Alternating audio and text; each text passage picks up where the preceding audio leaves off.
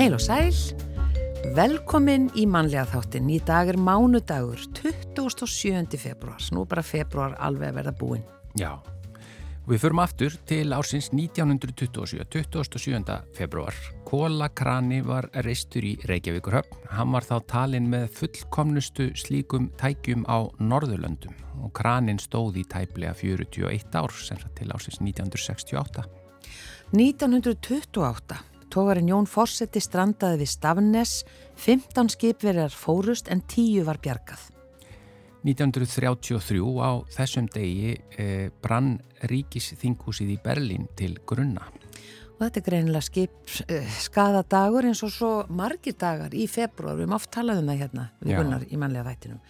Tógarinn Gullfoss frá Reykjavík fóst með allri áhöfn 19 manns út af Snæfellsnesi 1941 talandi um veður líka á þessum árstíma e, í Nýfstal fauk barnaskólahúsið af grunni í ofðiðri á þessum degi árið 1953 og splundraðist. Í húsinu voru tveir kennarar og 36 börn og slösuðust sum barnana. Ríkistjórn Ítalíu baðum aðstóð til að varna því að skakkiturnin fjalli á hliðina. Þetta var árið 1964. Já, ég kom þarna held í 2007 þá var búið að, þetta tók alveg mörg, mörg, mörg ár. Já. en ég held að nú, nú hangja hann uppi. Uh, Hortstrandir, norðan og vestan skorarheiðar í uh, norður Ísafjörðasíslu voru friðlistar á þessum degi árið 1975 Og svo var það 1997 að skilnaður var löglegur á Írlandi, ekki fyrr En yfir í efni þáttanins í dag, eh, eftir rúm tvö ár af faraldrinum og öllu sem honum fyldi þá er nú ekki víst að margir hafi svona við fyrstu tilhugsun verið tilbúin að horfa á heila þáttaröðum faraldurinn. En enga síður hefur nýja heimildatháttaröðin Stormur náða fjalla um þetta tímabil og baráttunum við COVID-19 þannig að fólk límist við skjáin og getur ekki hægt að horfa.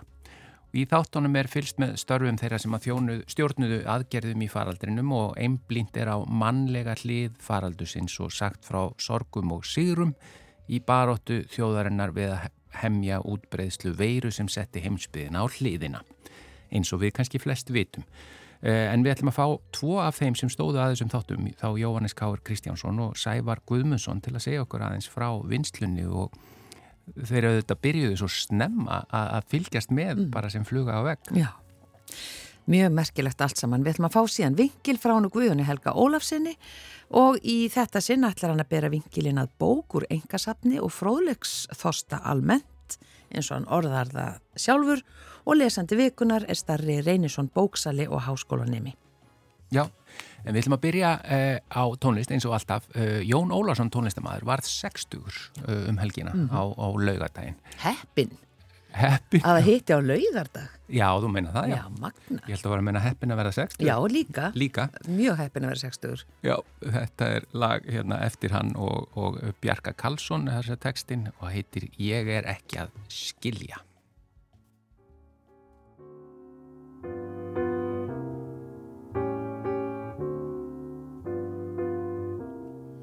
Ég er ekki að skilja hvað í mér ég finn.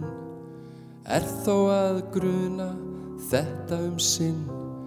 Að þú sért að melda þig mjög hjá mér inn.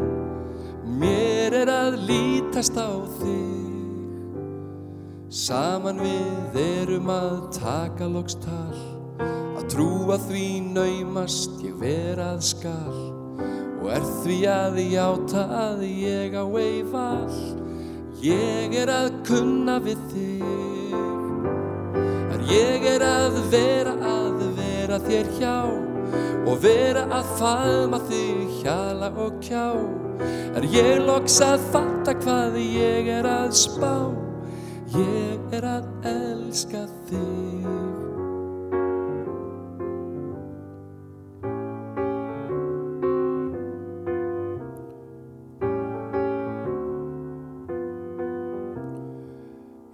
Eitthvað er farið að fara af stað. Að finna það er ég en veit ekki hvað. Þó er ég mikið að meina það Að mig sé að langa í þig. Við erum að ganga um gæfunar brú Góðin að við okkur saman er nú. Við jarðar menn ertu að játast mér frú. Og ég er að eiga þig. Er ég er að vera að vera þér hjá Og vera að faðma þig hjala og kjá Er ég loks að fatta hvað ég er að spá.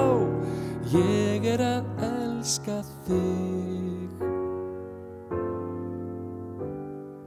Við erum að ganga um ævinar braut og erum að lifa í gleði og þraut.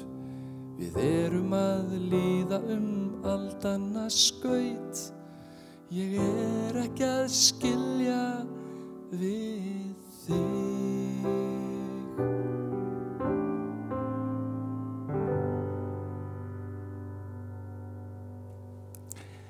Já, afmælisbarni frá því á lögadaginn, Jón Ólásson, hann varð 60-ur. Þetta lag er Ég er ekki að skilja innan svega ást í framvinduhorfi. Já, og þetta er upptaka úr kiljunni, þetta er sem sagt live flutningur og okkur þótt þetta bara við hæfi. Vel, vel gert hjá Jóni og bara til hamingi með 60 samalið. Já, en við erum komið með góða gesti hingað, uh, Jóhannes Káar Kristjánsson og Sævar Guðmundsson, velkomnir í manlega þáttinn. Takk. Já, takk. Við vorum að fylgjast með hérna þeir sátu hérna fyrir utan hljóðveri og það er bara, þeir er bara svo rockstjörnur að koma allir til ykkar og óskilku til hamingju með, með hérna þættina, storm, storm þættina. E, já, ég veit það nú ekki, en, en já, við, okkur finnst allavega þetta vakið aðtegli og, og fólk sem að, að sko, alltaf ekki horfa á þetta, meiri sem að fara að horfa á þetta. Þannig að Ég var að viðkjöna fyrir ykkur bara rétt á þann að ég bara, það var fyrsta hugsun, ég var nei, erum við að fara að taka þáttaröð um faraldurinn, þú veist, erum við ekki komið með nóa á hann. En svo er ég búin að sóast inn í þetta alveg á bóla kaf, sko. Þetta er, þetta er eiginlega það sem við heyrum, það voru nokkri innan frammi sem að mitt voru að tala, nák segja þetta nákvæmlega að uh, allir nema einn voru farnir að horfa en höfðu sömu áhegjur í byrjun. Sko, ég, ég er mjög sjaldan sem ég tek sko, meðvita ákvörun, ég ætla ekki að horfa á þetta en, en svo stóði ég ekkert við það sko. Nei, En það er bara, sko, mannlega þátturinn, hann er svo sterkur í þessu. Já, Jú, hann, Það er það sem að sogar menn inn í þetta, held ég. Já. Láta okkur vita því hérna í þessu þetta. Akkurat, og það er svona dálítið einstakt að fylgjast með því að, að, að hérna, fólk bara gleymir gleymir ykkur myndavélinni og mér langar svo að vita hvernig, veist, hvernig fórið að því að vera nánast svona ósýnilegir. Sko það er, það er, ég er nú búin að vera að starfa við blaðamerki 20 ár og ég hef nokkur sinnum verið eitt með kameru í, með viðfangsefnánum um það í því sem ég er að fjallum þannig að þú veist það var ekki alveg nýtt fyrir mér að vera í þessu prógrami eða þar að segja í, í upptökum varandi COVID eh, einn með, einn með vél en um leið og ma maður sko það, það liði ekkit margir dagar þegar þrýgis fór að segja við mig, veist það ég er bara búin að ég er hættur að taka eftir þér Já, og þá finnum maður svona, ok, nú fer þetta að virka, sko. Nú farið þau að tala bara algjörlega frjálst, þau eru, þau eru ekki meðvituð, hætti að vera meðvituð um kameruna og eru bara þau sjálf. Mm. Og að því að við eittum svona miklum tíma með viðmælendum, að þá gerðist þetta í öllum tilvökum, nema meðan að Helgu gamlu, heit, eh, hérna frá, frá Frá Hund- Bolungarvík. hund- 103 Já, ára. hún var alltaf mjög meðvituð um mig og hún er bara erfiðasti viðmælandi sem ég hef nokkur bara haft eins indislega hún er að þá, hérna, þá var hún mjög vörum sig og hún var nú ekki fyrir, mikið fyrir aðteglina Nei, hún ekki vilja þessa aðtegli. Nei, ekki þannig, en, en sko það, var, það tók margar tilraunir og hún snýri á mig alveg svoleiðis. Hún var alveg kýr skýr sko. Á, hvaða hátt snýr hún á því. bara svaraði mér ekki Já. og svaraði út í hött og eitthvað svona. Já, En að- hvenar, talandi um þetta, vera að fluga á veg, sko, hvenar eh, kemur hugmyndin upp að, að því, sko, svo, við náttúrulega vitum ekkert hvað er að fara að gerast þegar þetta fer að stað, þessi faraldur. Hvenar takið þið, á, heyrðu, nú, sko, er, við skulum fylgja þessu eftir uh, og þau auðvitað áttið ykkur kannski ekki því hvað þetta tók langan tíma.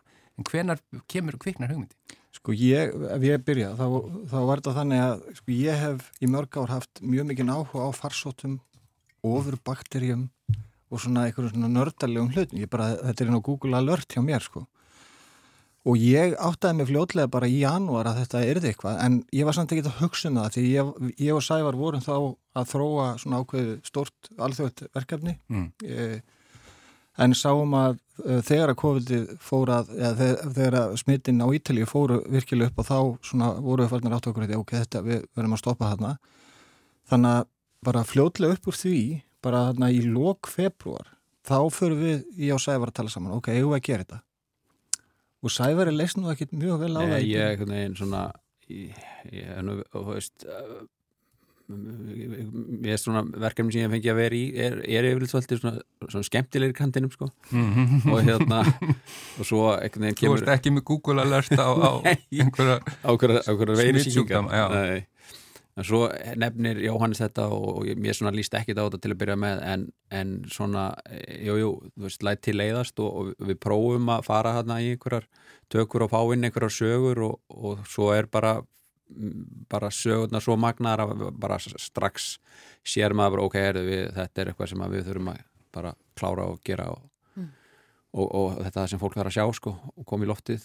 Og hérna, en auðvitað heldum við kannski að þetta er kannski mánuður eða tveir bara eins og kannski flestir eh, og við erum búin að skjóta þarna í við fáum að fara inn til þrýkis 11. mars er svona fyrsti tökudagurinn. Og hérna og síðan erum við að skjóta uh, alveg fram í mæ og okkur finnst þetta að vera rosalega langu tími það er konið 2-3 mánuði sem við erum að skjóta þetta.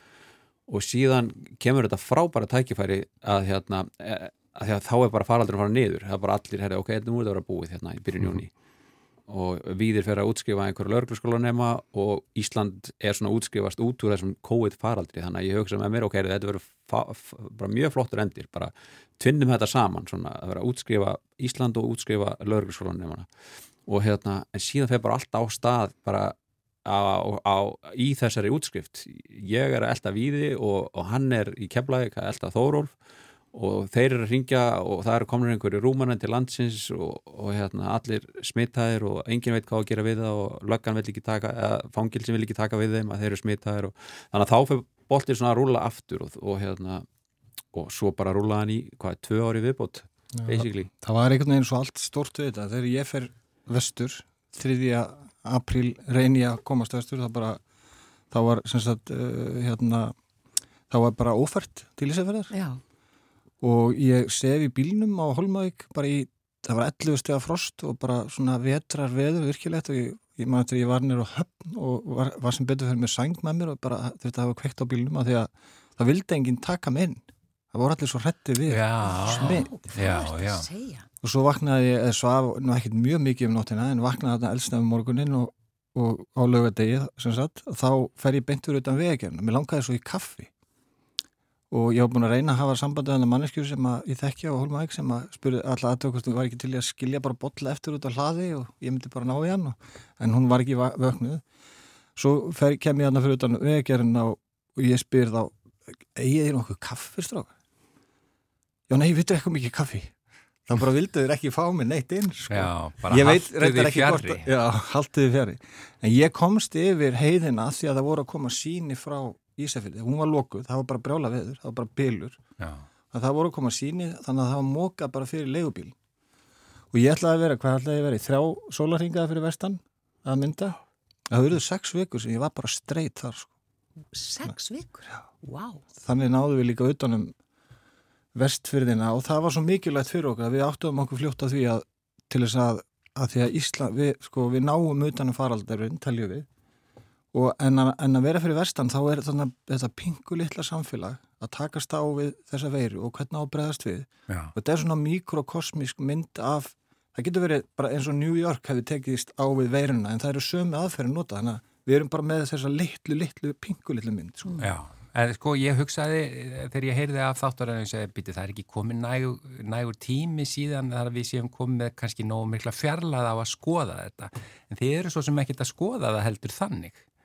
Þetta er svona Já, nei, við, þú veist, við erum bara svolítið bara að fylgjast með því sem gerist á þessum tíma. Þetta eru bara þær sögur sem eru í gangi. Erum, það er ekki verið að anilæsa eða velta einhverjum tölum og neitt svona fyrir, fyrir sér, sko. Þú veist, Við reynum að hafa eins litla tölur í þessu þáttum og hægt er, sko. Uh, þannig að það, það verður bara að býða betri tíma og kannski einhver aðrir að taka sér það er anlæsinningar, sko. Já, Við er erum svona- bara að segja sögur, sko. Já, og mannlegi parturinn að þessu og einmitt eins og þú segir Jónas, engin vildi gefa þér kaffi. Við bara erum búin að gleyma sko hvernig þetta var, en þetta var nákvæmlega þannig sko. Var Að. Fólk vildi ekki fá þetta bara í sinn landsluta því þá var bara, Nei, það var þá, svo... þá, já, var voðin vís. það var bara, það var svo mikil hræsla og það var, og svo heyri maður svona, maður hefur þetta gaman að því að þegar fólk er að svona bísnast yfir aðgerðum eða ákvörðunum sem voru teknar á þessum tíma Mm.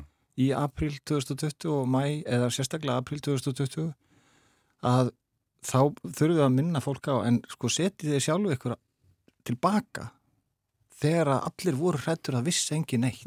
Já, þá er alveg hægt að sjá, ok, þetta er það sem að uh, stjórnvöld töldu rétt á þeim tíma með af upplýsingarna sem að lágu fyrir. Já, En talandi um sko að kritík að því að ég sem hérna blaðamaður sem hefur nú verið svona eitthvað erfiðum málum, eða við getum sagt það og gaggrína hugsunni á mér er alltaf svona mjög sterk að þegar ég byrja að mynda með þrýgjuna þá hugsaði með mér þetta er ekki allt svona slett og fælt hérna. Þetta, þau eru ekki, það hlýtur að vera eitthvað sem þau eru að fjalla og ég var alveg bara mjög meðvitaður en það. Ég var ekki búin að mynda í marga daga og þau, ég fekk að mynda allt eða sko, hérna, vera allstaðar og, og mynda eh, nánast allt. Ef, ef þú voru að tala um persónulega málinu þá myndaði ég það ekki. En það, ég var fljótur átt að með því að það, það var ekkert sem þau földu. Já. ég bara, allt upp á borðinu. Allt á- samsæriskenningar hafa nú heldur betur sprottið upp. sko. heldur betur já. Já. Já, Og svo líka annað, þið náttúrulega setið ykkur í talsverða hættu með því að vera alltaf einhvern veginn, eh, að, já, á staðnum. Hvernig svona fór það með ykkur? Vor, var það ykkur hugsun sem var Sko, sko sterk eða?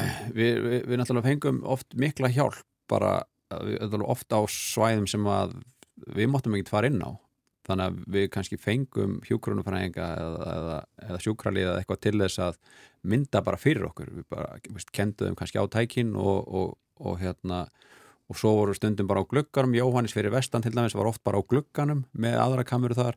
Þau voru með e, svo aðra vél eða síma jafnir linni e, og alltaf þurftu að, svo alltaf að hugsa um hljóðið. Já. þannig að, að hérna e, við vildum alltaf að hljóði væri tekið sko upp og þannig svona veist, það eru ótrúlega margir tökumenn á þessari serju sko. það er alveg bara ógrinni af fólki sem að ekki endilega allt atvinnu fólk endil, nei, alls ekki sko. En hérna og, þetta, er, þetta er svo mikið þetta er svo mörg formöt, þetta er tekið af síma og tekið af alls konar svona alls konar síma. Og hérna sem þú endilega sérð ekkert svona í bland við allt hitt.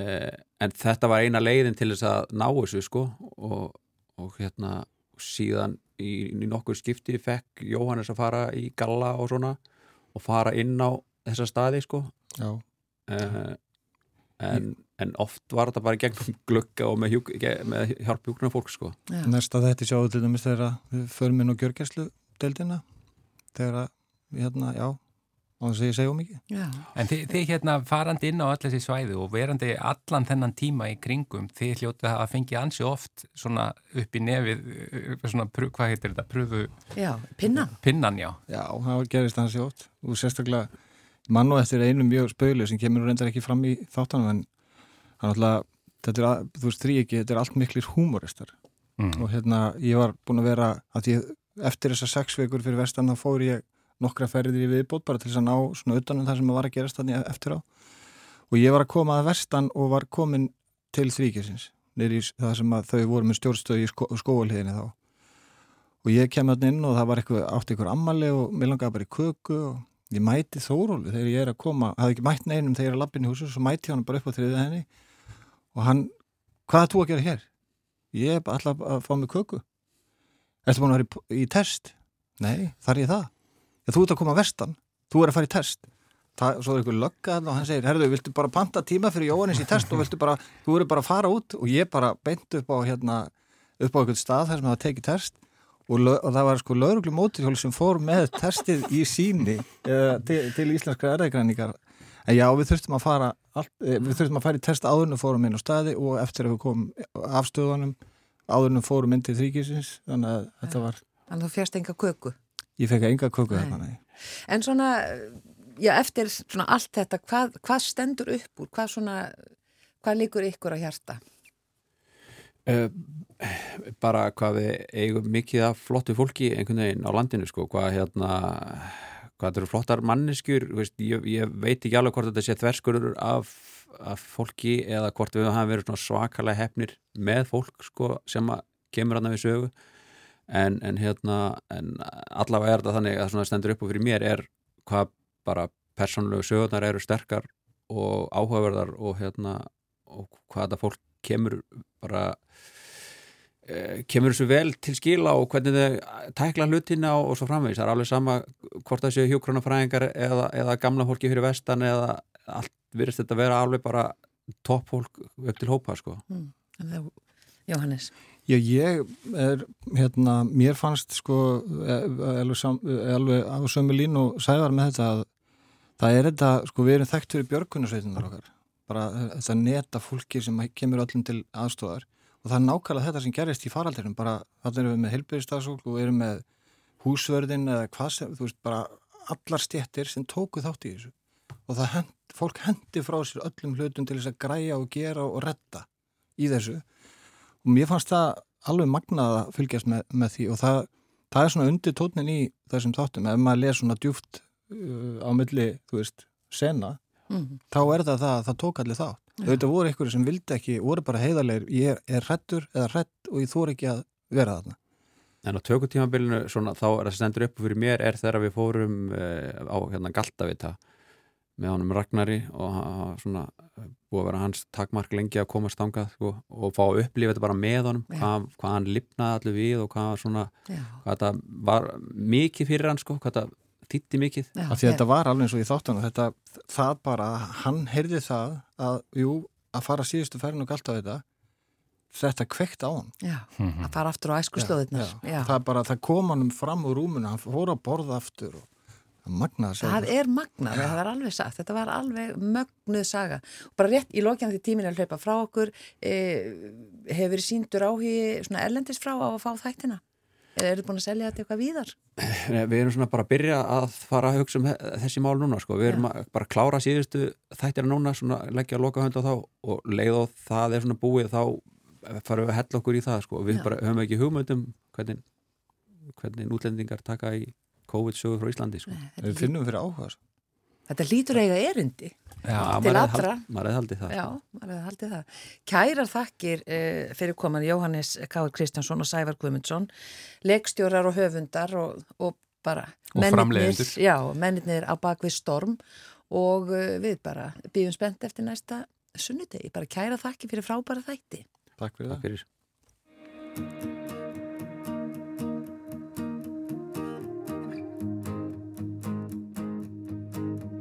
Ef að litið út um gluggan sá að laufin voru fókin út á haf.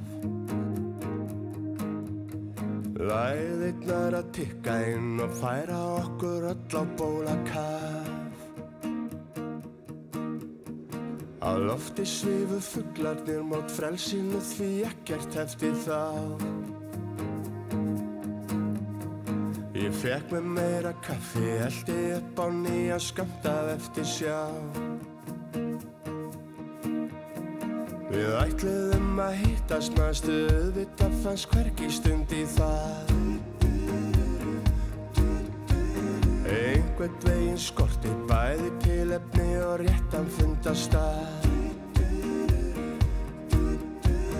Öllum þessum tekni og þetta tíma örðum minningar að bráð. Týndust ein og ein og voru hortnar þegar betur var að gá. Það bera sér allir vel og dúti séð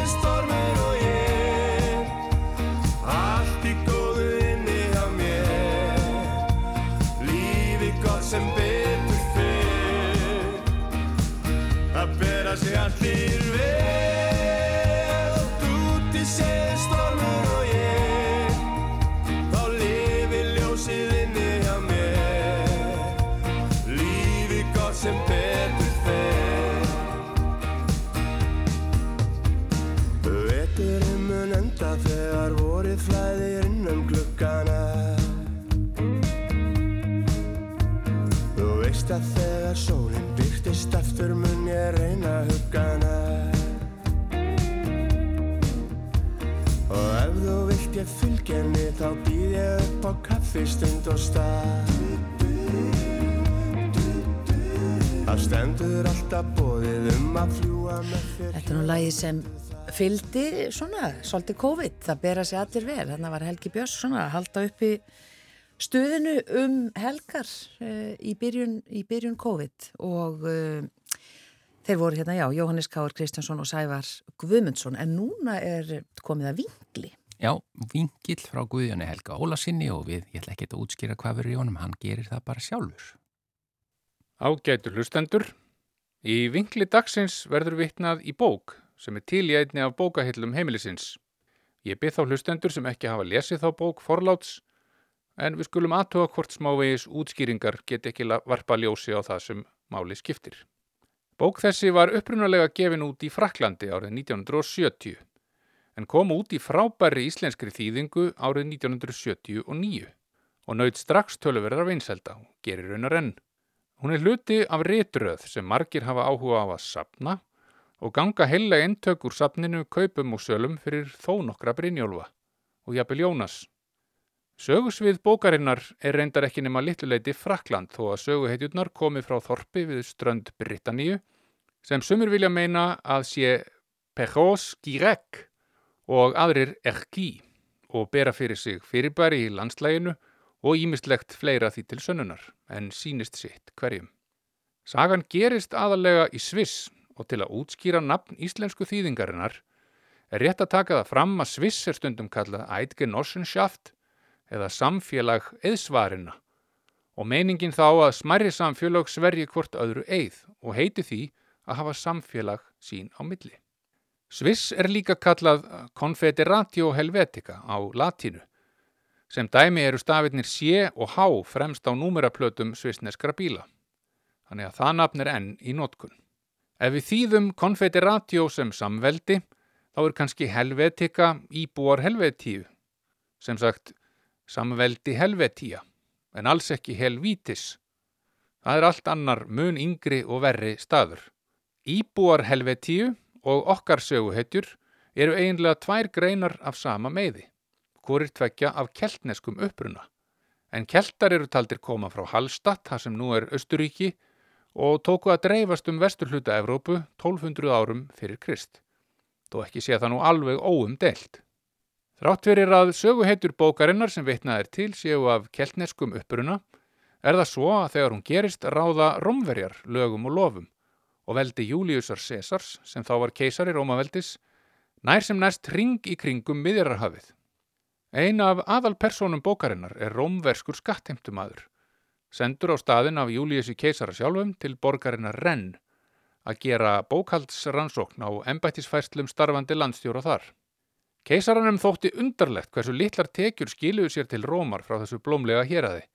Grönur sem reyndar er staðfestur á fyrstu síðum bókarinnar. Það sem finna má lýsingar á gríðarlegum svallveislum landstjórans og þeir sem hafa séð kvikmynd Federicos Fellinis Satyricon kannast við stemninguna úr upphafsatriðinu.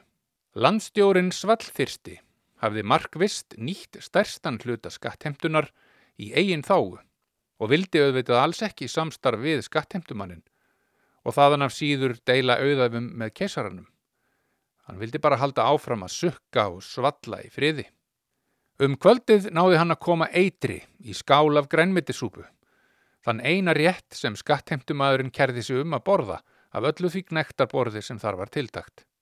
Eitrið hafið tilætluð áhrif þá um nóttina en skattheimtumadurinn dó ekki alveg strax og alls ekki ráðalös því að hann vissi af sjálfstætt starfandi livsala í áðurnemdu sjávarþorpi og let kalla á sinn fund en hvati landstjóran til að halda áfram að svalla og draga hvergi af sér og fekk þannig frið fyrir honum á meðan. Livsalinn mætti við þriðja mann að sjúkrabeði skattheimtumannsins og gerði ánum heilsufarskoðun. Kannaði strax við sjúkdómsenkennin og sæðist kunna uppskrift af móteitri og eiga allt tiltakt í blönduna nema eina jurt sem nefnist á latinu Leontopodium nivali en heitir snærýma á íslensku. Alls ekki alparós þrátt fyrir annars ágæta þýðingu Baldurs Pálmarssonar á samnefndur lægi úr söngleiknum Söngvaseiði. The Sound of Music. Nú voru góð ráð dýr því slík blóm væri hvergi að finna nema í svistnesku ölpunum og tóku meðreiðarsveinar Livsalans að sér að sækja það, en hann yrði eftir hjá skattheimtumanni og reyndi að halda í honum líftórunni á meðan. Og jæja, nú hefst eh, ferðalegi til Sviss fyrir alvöru og ég er ekkit að þreyti ykkur á því frekar, en verð þó að koma því til skila að romverski landstjórin þar stopnar líka til svallveistlu. En virðist hafa tekið upp síði innfætra í bland við þá úr sinni fæðingarsveit. Þar koma sem sagt lýsingar á fondúveistlu í bland við sadomasokisma. Hljómar vissulega eins og óhugnalegur koktill, en eh, höfundar ná með einstakri færni sinni að dyrka fram spauilegu hliðinu á þeim annars hræðilega samkvæmisleik. Sögunni vindur síðan að mestu fram í Sviss, þar sem hreinlæti er digð, ostur er vinsæll, fjöllin eru brött og há, bankar eru ramgerðir og framkoma þjóðbúningaklættir einstaklingar sem stunda þá fornusönglist að jóðla.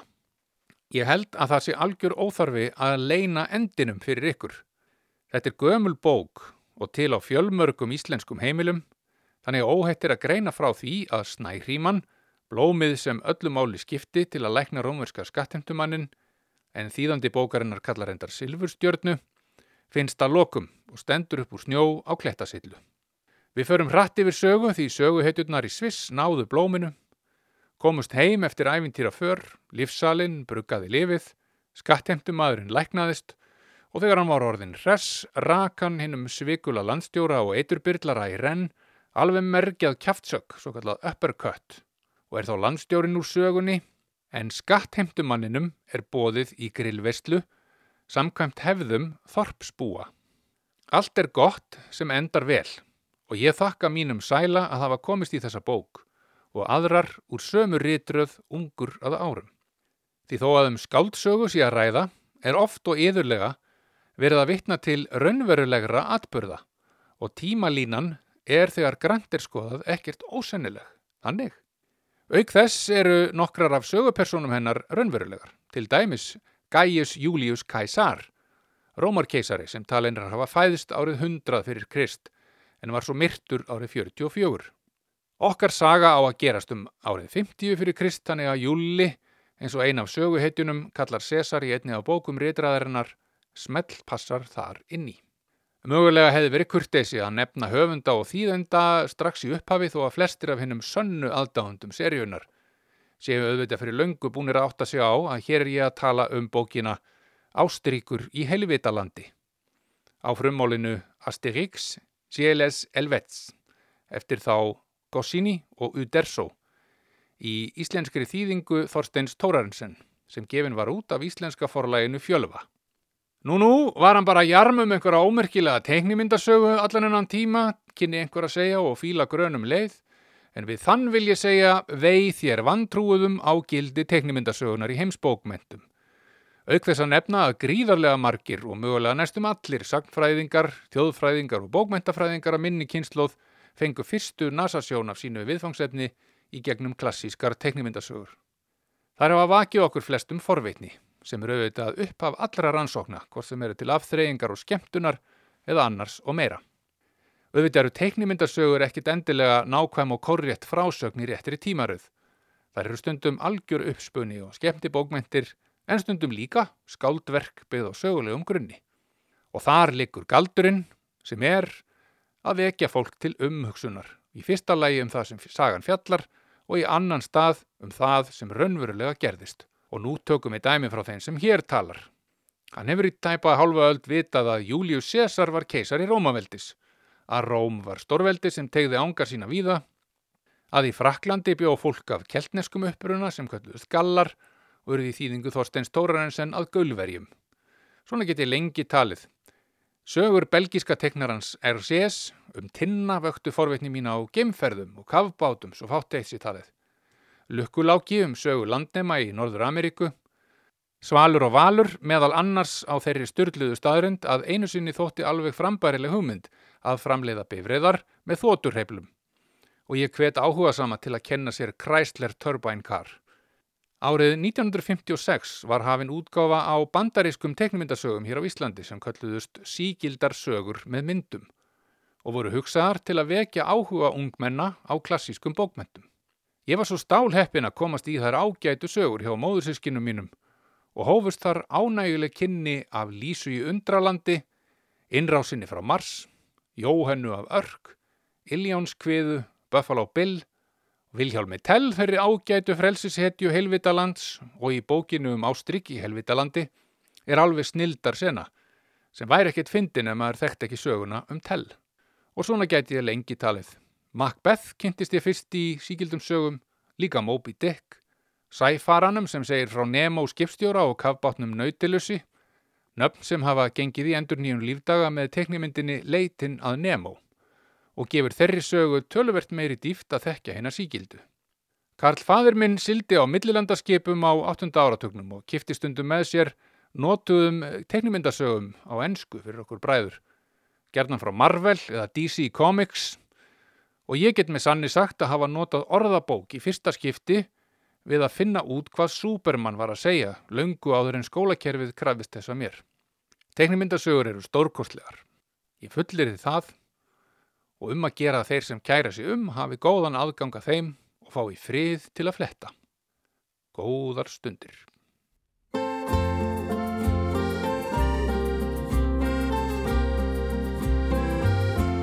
Lífið er undur,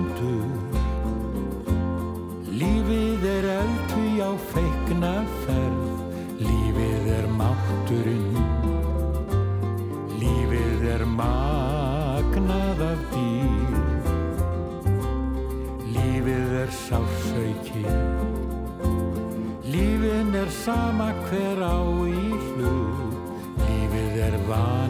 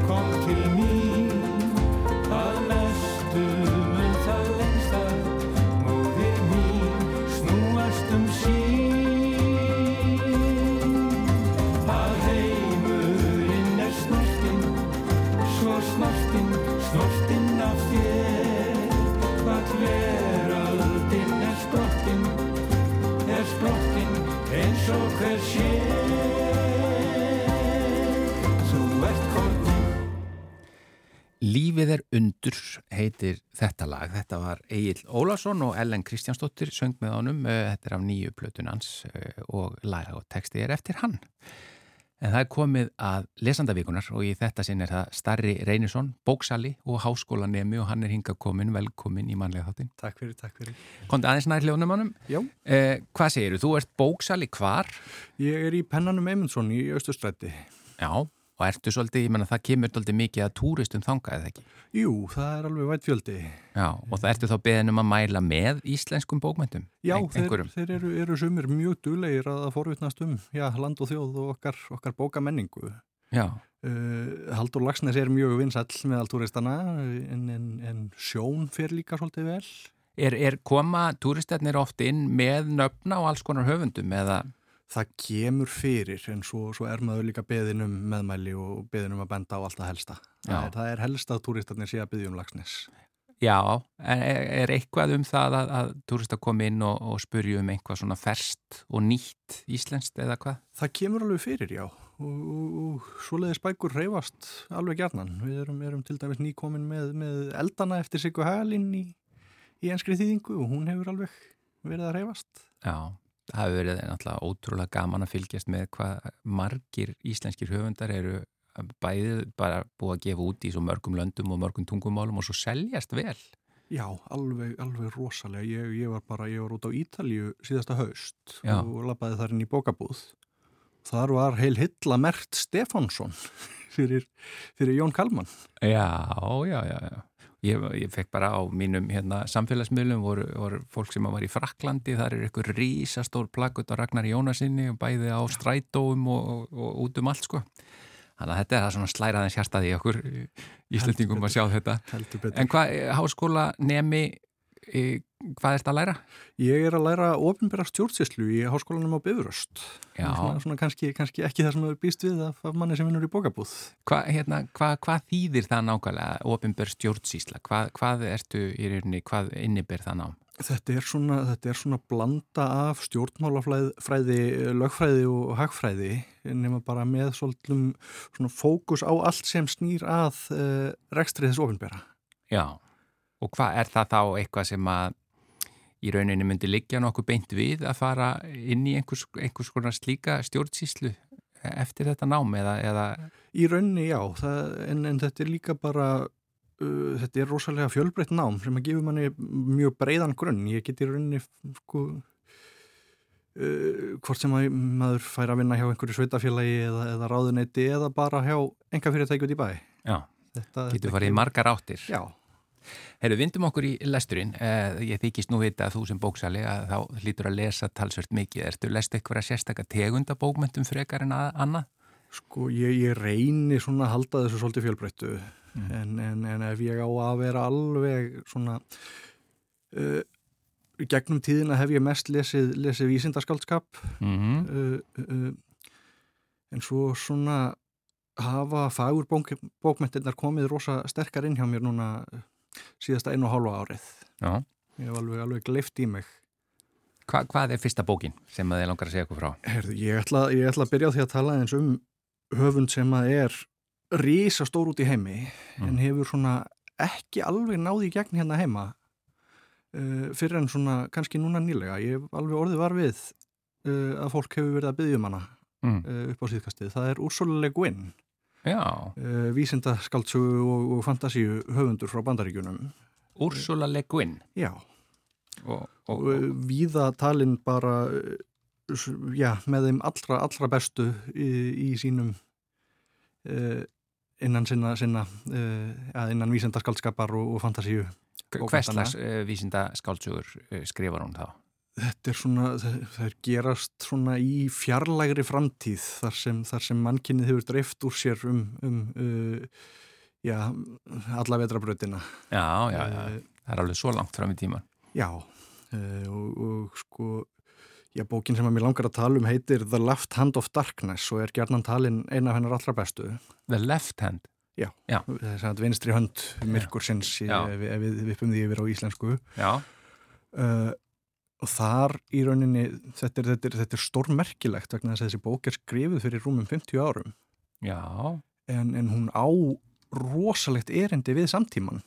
á hvaða hátt? uh, hún fjallar um diplomata sem er sendur sem sendibóði frá, frá alheimssambandi pláneta á plánetu sem að tilherir ekki sambandinu til þess að reyna að sannfæra þau um að ganga inn sem að svona ákveðin hlistaða kannski við Ísland og Európusambandið í, í nútímanum Já, já, já. uh, en, en það verður svo fljótt sko aukaðatrið í bókinni þessi sendi fyrir hans Mm. vegna þess að á þessari plánetu hefur mannkynnið þróast á þann veg að allir eru kynlausir Uh, áhugavert. sem að, sem að hefur náttúrulega svona gífurlega skýrskotun inn í samtíman Já, já. og, og alla þá umræðu vegna þess að sko, Þannig að bara kyn skiptir ekki máli þar. í rauninni ekki og, og svona er í rauninni sko minna en aukaadriði Já, fólk bara pælir ekki í því. Það er þessi, kemur svo þarna þessi maður sem er í stanslausu kyngerfi sem, sem karlmaður og hann er bara álitin pervert. Já, og Já, það hlustar enginn á það sem hann hefur að segja. Já þannig að kyn fólks og kyn líf þá er ekki, það er í rauninni, hún fer mjög, mjög forvitnilega leið uh, þar og sko í rauninni einstaklingar bræða sér tímabundið í kyngerfi þegar kemur að því að, að makast og fjölga sér já, já, já. Þetta er áhugavert og þetta er Mjög. skrifað fyrir 50 árum 50 árum og, og er- allar er- hennar pælingar um þetta og hvernig tökum hún tekur því á það alveg, þetta, þetta á svo fullkomið erindi inn í samtíman já, og hún, hún er svo, þetta er svo, svo frjálslind og, og progressíft. Og það er eiginlega hálf magnað að þetta hafi verið skrifað fyrir 50 árum. The Left Hand of Darkness eftir Úrsulu Le Guin. Hvað er næsta bók sem þú ætla að segja okkur frá? uh, Ég ætla að, að tala um já, bók sem að svona flög ekkit allt of hátt í jólabókaflóðinu þó hún hefði nú reyndar verið tilnæmt til íslensku bókmæntaðalönuna Mm? Ljósagangur eftir Dag Hjartarsson Já, ég, ég, Það var fyrsta bókin sem ég las úr þessu, þessu jólabókaflóði. Já, og ég var mjög hrifin af henni. Ég hafði aldrei lesið neitt eftir hann áður, ótrúlegt en satt. Já, uh, ákvaða að gefa þessari séns. Uh, hún bara fór með mig í magnað ferðalag. Ég, ég, ég upplifði söguþráðin í þessari, þessari litlu ljóðrænu ástarsögu uh, rosalega stert með uh, aðalpersonunni sá sjálfan mig í henni og, og, og speiklaði svolítið minn veruleika. Mm. ég var eiginlega bara hálf, hálf uh, kvumsa eftir lesturinn vegna þess að uh, mér fannst hún komast svo nærri mér. Ég, ég svona, mér finnst ég vera að opinbera sjálfan mig svolítið að, að sko, tala svona fallega um þessa bók. Já, og, og ég var eiginlega sko, endað á því að vera hálf pyrraður vegna þess að ég gaf degi hjartarsinni aldrei leifi til þess að uh, horfa svona djúftin í sálmina hann las þig eins og opna bók. heldur betur Já, en sko, já, þetta er mjög áhugavert að því auðvitað hlýtur þetta að vera það sem við vonumst eftir úr svona eins og bók að, að hún snerti mann svona djúft, heldur sko. betur, heldur betur Þannig að hún er, er, er þetta ástarsaga úr nútímanum eða skiptir það kannski einhver máli eða? sko, úr svona þetta er, þetta er ekki alveg úr nútímanum, hann, hann stekkur aðeins inn í framtíðina. Svona, svona, þetta er, þetta er, það er smá já, vísindaskaldskapar element þarna, en, en rosa mikið í bakgrunninum bara. Já, já. En bara þá, er það þá væntalega bara mannlegi hlutin í sögunni sem að snerti þið svona djúft? hún er, hún er náttúrulega bara, þetta er náttúrulega bara fyrst og fremst mannleg saga. Og það, það Þetta er mannlegi þátturinn hérna. jú, jú, heldur betur. Það er líka, það er líka sko það besti vísindaskaldskapurinn er það sem er svona sá sem nær að vera mest mannlegur og personudrifin þar sem, þar sem sko sögusviðið eh, verður í rauninni aukaadrið, verður bara bakgrunnur það er yfirleitt það sem við tengjum við. Já. Já, Ljósagangur eftir Dag Hjartarsson. Hvað er svo næsta bók? Heyrðu, á, á uh, náttborðinu hjá mér akkurat núna Mm. þar er uh, já, rúmlega tíu ára gömul bók. Uh, Gesta komur í Söðlöksdal Já, eftir Sölva Björn Sigursson já, uh, ég, ég var svona heldur setn á va vagnin og, og las uh, Seltu, bókina hans sem að fekk uh, bók, íslensku bókmæntavelunin fyrir nokkrum árum. Ég las hann ekki fyrir í fyrra já. og var mjög, mjög hrifin og þannig að ég, ég ákvaða að sækja í, í meira eftir hann. Mm og ég er búin að, búin að vera síðustu, síðustu kvöld bara límdur við þessa bók sem er, er nú ekki nema 130 blaðsíður eh, en, en djúft og fallegt ástaróður til karteflunar Einmitt, já. þess, þess stórkostlega ofurfæðis Á, á hvaða hátt er verið að, að, að þess að er kartablan í aðalutur ekki þannig? Já, þetta er, þetta er eh, söguleg skaldsaga uh, um séra Björn Halldórsson í, í Söðlöksdal uh, sem að reyndi eftir fremsta megni að uh, já, innleiða karteflunar í daglegt mataræði Íslendinga fyrir marglöngu. já, já, já. Átti kannski ekki alveg erindi sem erfiði, fólk var voða fast í, í súrmatnum og, og Já. saltkjötinu. já. Það er, það er ekkit víst að við höfum alltaf verið mjög opinn fyrir nýjungum á þessu landi. Nei, Nei. eh, En, en, en það má nú kannski alveg með sanni segja að, að sko, karteflan sé eh, komin til að vera í dag. Hún náði í gegn, já, í ímsu formi. Já, já, já, áhugavert. Heyrðu, En sko, ef við, förum, ef við núna förum bara eins langt aftur í tíman og þú vilt, bara svona hvaða bækur og, eða höfundar koma svona stert upp sem að fylgja þér enn þann dag í dag eða hafa svona haft mest áhrif á þig. Já, ég, ég hugsa ég ætla að fá að nefna tvo. Mm Skulum bara byrja á, á því að tala um Þorra en Eldjárn. Já, Uh, ég elst upp við, við gömlu uh, ljóðabækunar hans, uh, óð, óðflugu og, halastjórnuna og, grannmeti og átvexti. já, og, og hef svo í gegnum árin alltaf rekið mig á hann öðru hverju Shakespeare þýðingarnar sem hafa verið að koma frá honum síðustu ár til, til að mynda uh, hef, hef ég lesið oft ykkur ótrúlega væntum já, það er Eh, magnaðar. og, og uh, gamla þýðingin hans á Inferno eftir Ágúst Strindberg á, á líka mjög, mjög sérstakanstaði í hjarta mínu Já, lestu mikið leikrið? Uh, Svona, já, já, það kemur fyrir en Inferno er endar, er endar skáldsaga. Já, já, þó, já, þó að Strindberg hafi fyrst og fremst verið, verið leikrita skáld Já, já. Uh, skáldsaga um hann sjálfan reyndar. Hann, hann skrifar þetta um, um nokkur ára tímabil þar sem hann uh, ákvaða hætt að vera skáld. Hætt, uh, fór frá koninu sinni, flutti til Parísar Mm.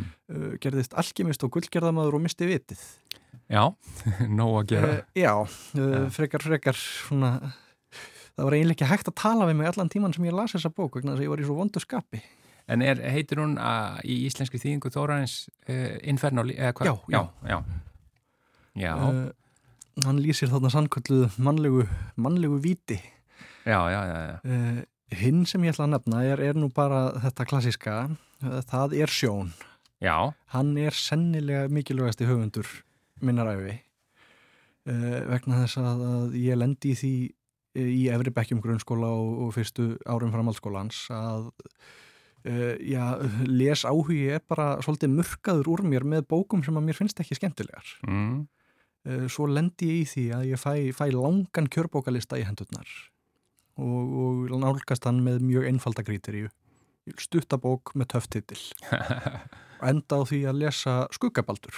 Já, já, já. sem að á sér síðan þá sérstakann stað í hjarta mínu sem bókin sem að endurvætti lesa á huga minn svipað og hún Ingi Björg uh, sagði frá hérna fyrir viku síðan. En, en eftir það hef ég lesið meir og minna allt sem að maðurinn hefur gefið út. Og, og bækurnar hans eru allar sem ein stórkostlegar. Argóarflísin er sennilega mín uppáhaldsbók allra tíma. Hann náði þér. Alveg heldur betur. Ég, það, það er eina bók sem ég hef hugsað sko, maður hefur oft lendið því að hugsa að bækur mættu vera aðeins stittri endrum og eins lendi í því að hugsa að þessi bók mætti vera 15-20 blaðsum lengri. Argóarflísin, öll skiptin sem ég hef lesið hana sem hafa verið nokkur hefur hún skilið mig eftir sko óskandi þess að hún verið 200 blaðsum lengri Starri Reynisson, þakka þér innlega fyrir að vera lesandi vikunar í þetta sinn. Þetta var sem sagt argóaflýsin eftir sjón sem að þú varst að mæla svona sterklega með.